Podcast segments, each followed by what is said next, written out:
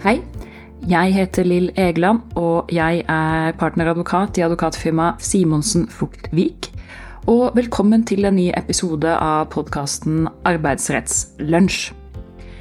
Vi begynte jo denne podkasten eh, under korona og sa at nå kjører vi på så lenge vi er på hjemmekontor. Jeg bestemmer meg for at vi fortsetter, fordi jeg syns det er veldig gøy å, å, spille inn og finne temaer og snakke med gjester. og jeg anbefaler og håper at eh, det kan være nyttig å høre på mens man er ute og går, og får den komboen av podkast, oppdatering på det faglige og litt trim. Temaet i dag er trakassering. Som advokater så har vi jo sett at det i de senere år har blitt flere og flere saker hvor ansatte påstår at det foreligger en fryktkultur, eh, at leder har en kritikkverdig lederstil, eller at, at leder trakasserer. Og, og, vi har håndtert veldig mange av disse sakene hvor sånne påstander kommer. Det er veldig vanskelige saker, fordi Eh, ofte så ligger det i bunnen her ganske dype konflikter, så det er liksom ganske mange følelser i sving. Eh, og så kan det hende at vi kommer inn som advokater og blir bedt om å undersøke, snakke med en rekke mennesker og se på dokumenter og lage rapporter osv. Det som mange av dere kjenner til, er jo eh, en tilnærming som kan ha ganske mange risikoelementer ved seg. Det der at advokater kommer trampende inn med notatblokkene sine for å intervjue folk om de har det bra på jobben, er ikke alltid den aller beste ideen. Eh, det skal i hvert fall gjøres ekstremt skjønnsomt. Eh, min kjepphest er at i de tilfellene hvor man som arbeidsgiver får påstander om at det foreligger trakassering, så er det veldig ofte sånn at det er nok at arbeidsgiver med HR eller noen som, som, kan håndtere saken, setter seg ned og snakker med den som påstår noe, og deretter med den som får påstander rettet mot seg. Og så tar man en fot i bakken og vurderer hvordan eh, man skal gå videre, eller, om man kan eh, stoppe. Det vil i veldig mange tilfeller være tilstrekkelig. Men uansett om advokater skal inn og snakke med folk på en forsøksvis skjønnsom måte, eller om dette er noe som skal håndteres av, eh, av en, en, habil person med f.eks. støtte fra HR, så er det jo likevel et spørsmål som, som, ofte dukker opp om leder som er påstått å trakassere, da, faktisk har trakassert fra et rettslig perspektiv. Og det er det jeg tenkte at jeg skulle gå inn i i dag og prøve å plukke litt fra hverandre og gjøre litt praktisk, nemlig hva er egentlig trakassering i arbeidsmiljølovens forstand? Hvor går grensen? Hva er det som er helt ok utøvelse av styringsrett, eventuelt bare dårlig ledelse? Og hvor kommer vi opp mot denne terskelen for trakassering, slik loven definerer det? Og når jeg gjør det, så tenkte jeg at hovedfokuset mitt skal være å trekke fram en del momenter som jeg mener er relevante når man spør seg om, om noe utgjør trakassering eller ikke.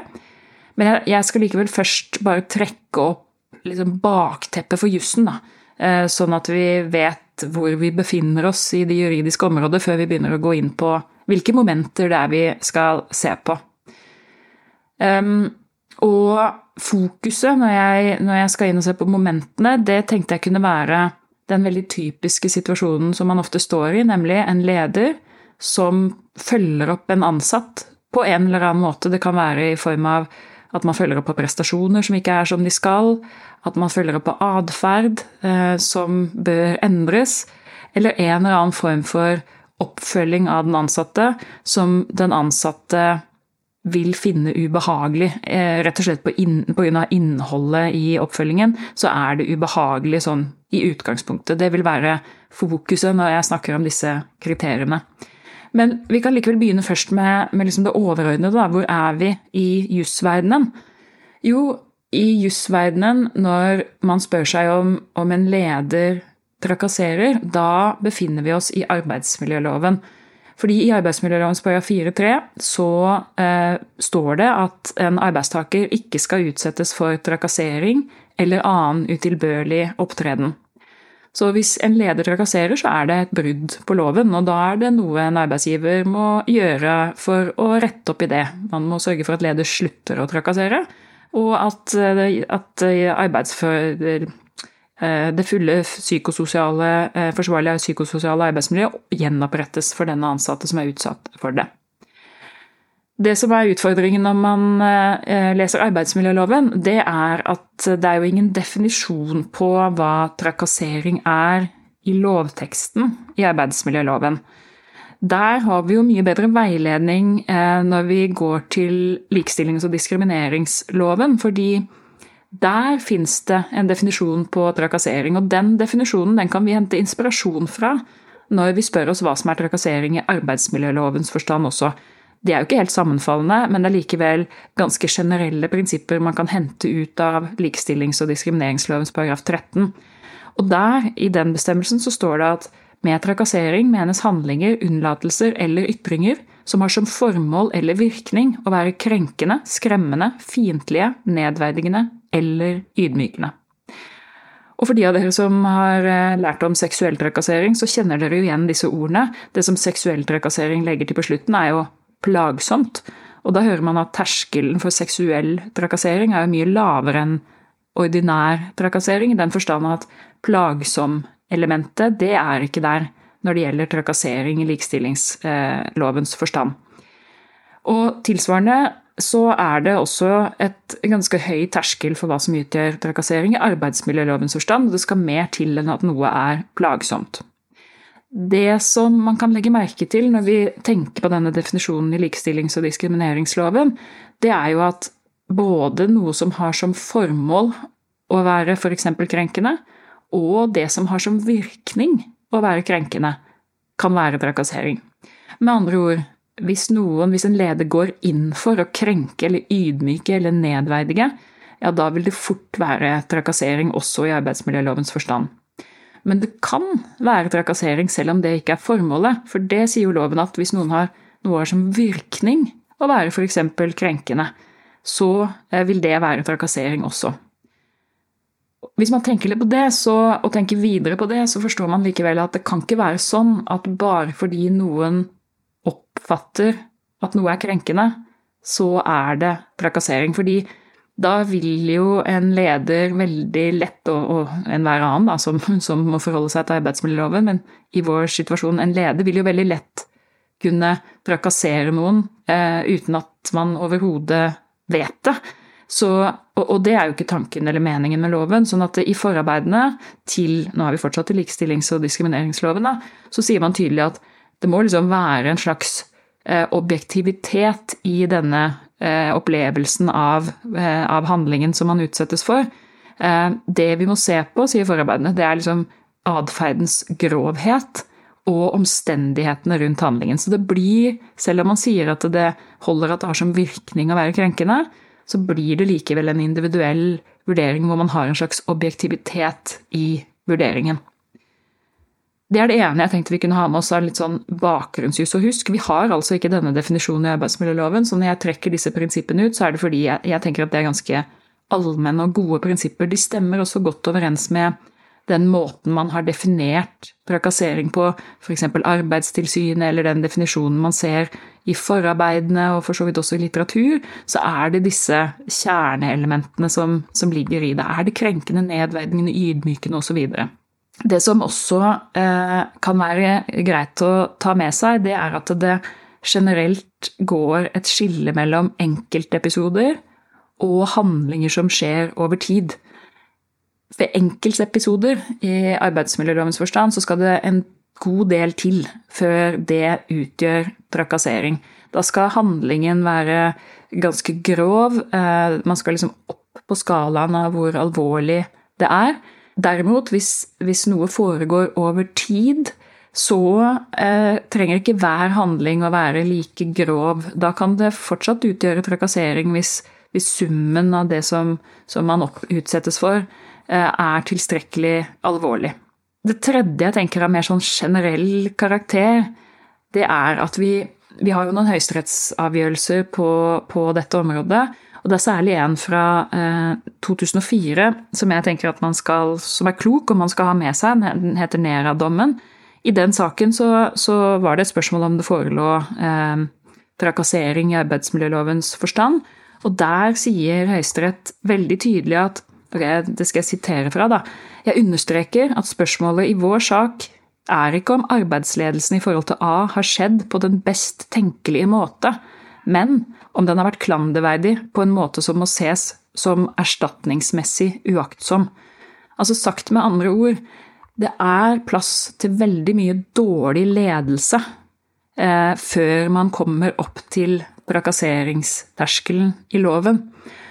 Eh, og det er noe som, som jeg som advokat eh, har sett Eh, at ikke det er så lett å ta inn over seg. Da, sånn, hvis man sitter i en situasjon hvor man faktisk er utsatt for skikkelig dårlig ledelse, og, og man har fått eh, ordentlig men av det, og man kanskje til og med har blitt syk, og det har vært veldig eh, plagsomt. Eh, men likevel sånn at vurderingen fra noen som er inne og vurderer det, er at ja, her var det dårlig ledelse, men det er faktisk likevel ikke trakassering. Eh, så så er det eh, både ekstremt frustrerende og helt sånn uforståelig at, eh, at loven ikke er brutt. Men, men, sånn er det altså, og det er veldig klart og tydelig, at eh, før man kommer opp til den terskelen for trakassering, så er det rom for en god del dårlig personalbehandling. Det var det, liksom, det var det, generelle jeg tenkte jeg skulle si. Så kan vi gå over på å prøve å liksom plukke noen momenter i denne settingen hvor vi har en leder som følger opp en ansatt på en eller annen grunnlag, det er prestasjoner eller atferd eller noe annet, og så spør vi oss hva er det, liksom, hvilke momenter er det vi skal se på når man vurderer om noe er trakassering eller ikke. Og i den vurderingen så tenker jeg at det er hvert fall viktig å trekke opp et veldig tindrende klart utgangspunkt. Og det er at en leder skal selvfølgelig alltid kunne være klar og tydelig med sine ansatte om at, skal, at arbeidstaker må forbedre seg eh, på prestasjoner, eller ha en annen type atferd, eller gjøre det som arbeidsgiver mener at arbeidstaker skal gjøre for å nå de eh, mål og, krav som arbeidsgiver stiller, det må arbeidsgiver, eh, leder, da, alltid kunne gjøre. Og det må leder kunne gjøre helt uavhengig av om det er tøft for arbeidstaker. Så jeg som leder kan si til en arbeidstaker at du, Per, eh, det siste notatet som du lagde der, det, det, var ikke godt nok. Du hadde glemt eh, en bestemmelse i loven. Og det er også helt ok, det blir ikke trakassering selv om dette er ekstremt tøft for arbeidstakere å høre. I seg selv. Så, så det er liksom utgangspunktet.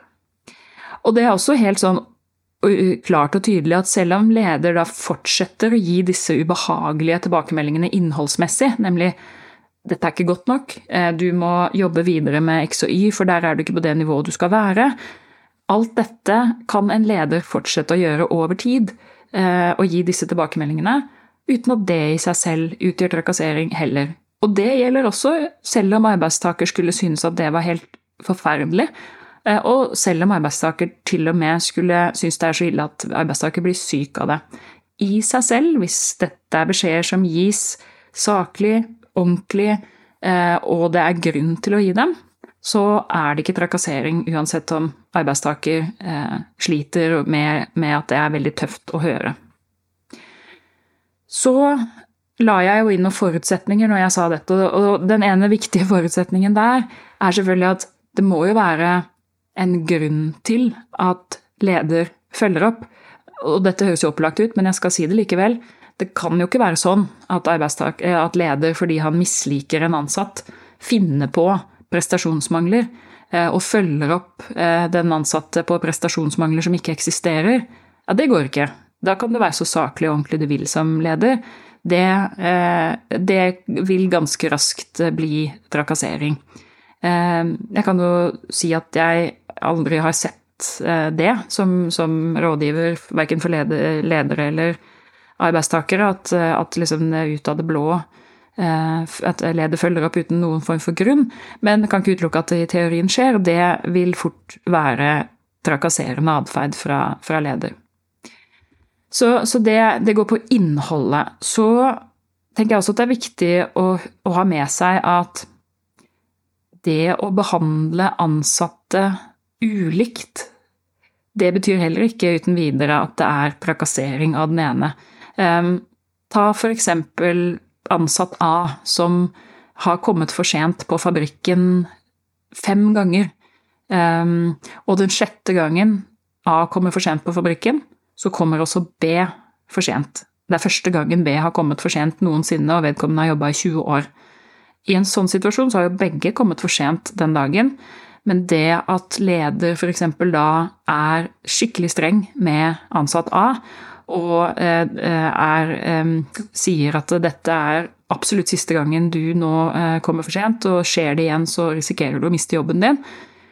Mens til eh, person A, nei B, da, som første gang på 20 år har kommet for sent, så sier lederen at ok, det var jo ikke greit, kom deg og sett i gang og jobbe en sånn type forskjellig reaksjon og atferd overfor A og B, det er en helt saklig ulik behandling. Fordi historikken tilsier at man i denne situasjonen behandler dem ulikt. For det er jo sånn som jeg hører fra tid til annen, at ja, men leder eh, agerer helt forskjellig overfor person A enn overfor person B i samme situasjon.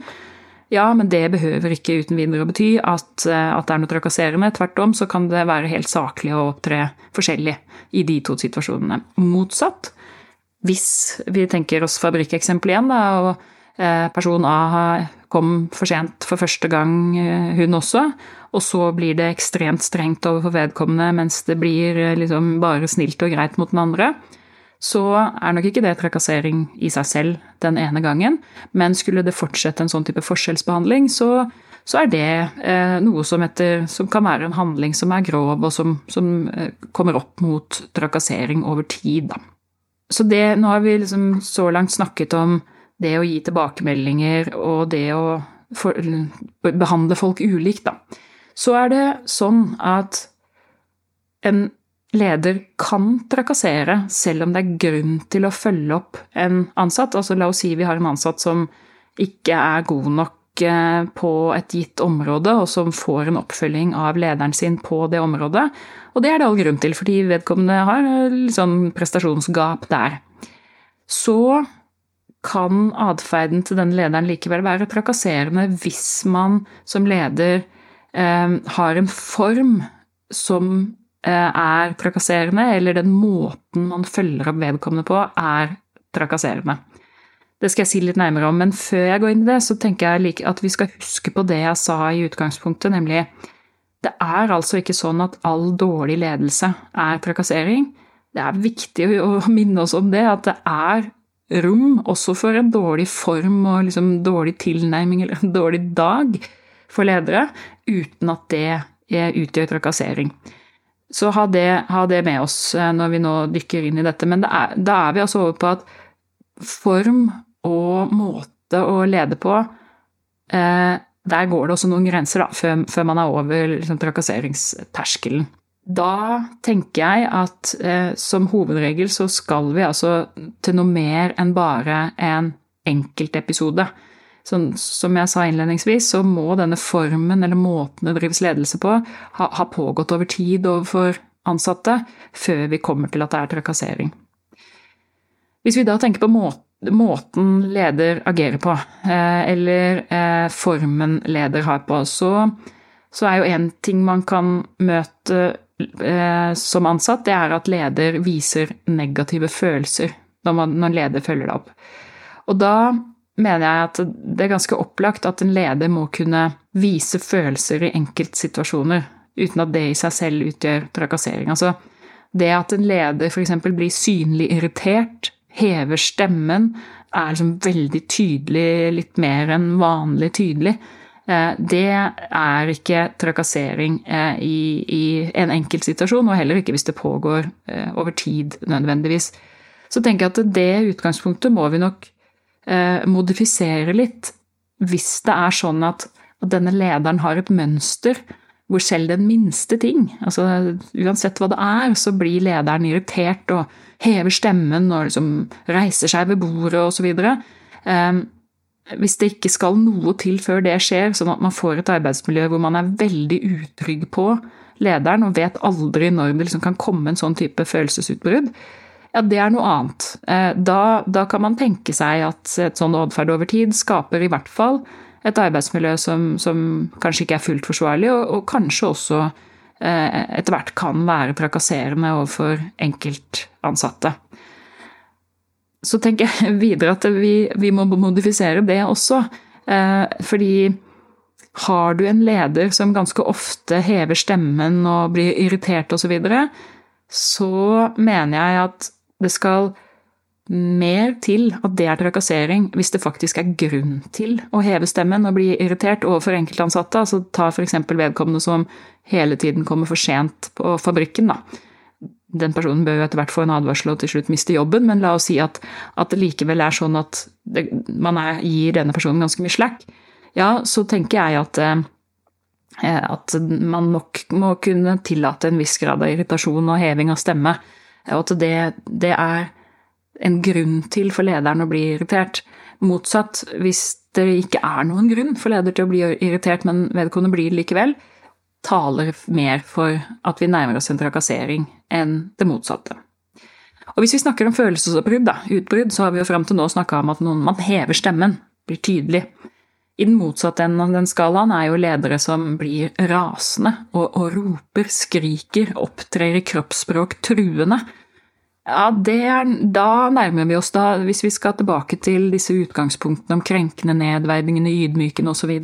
Hvis vi skal tilbake til utgangspunktet som forarbeidene sier at vi må se på grovheten i handlingen osv., ja, da nærmer vi oss jo mye mer eh, at noe kan utgjøre trakassering. Da kan jo til og med en enkelthendelse kunne være trakasserende hvis, hvis man finner bevist at leder har skreket til den ansatte og opptrådt truende.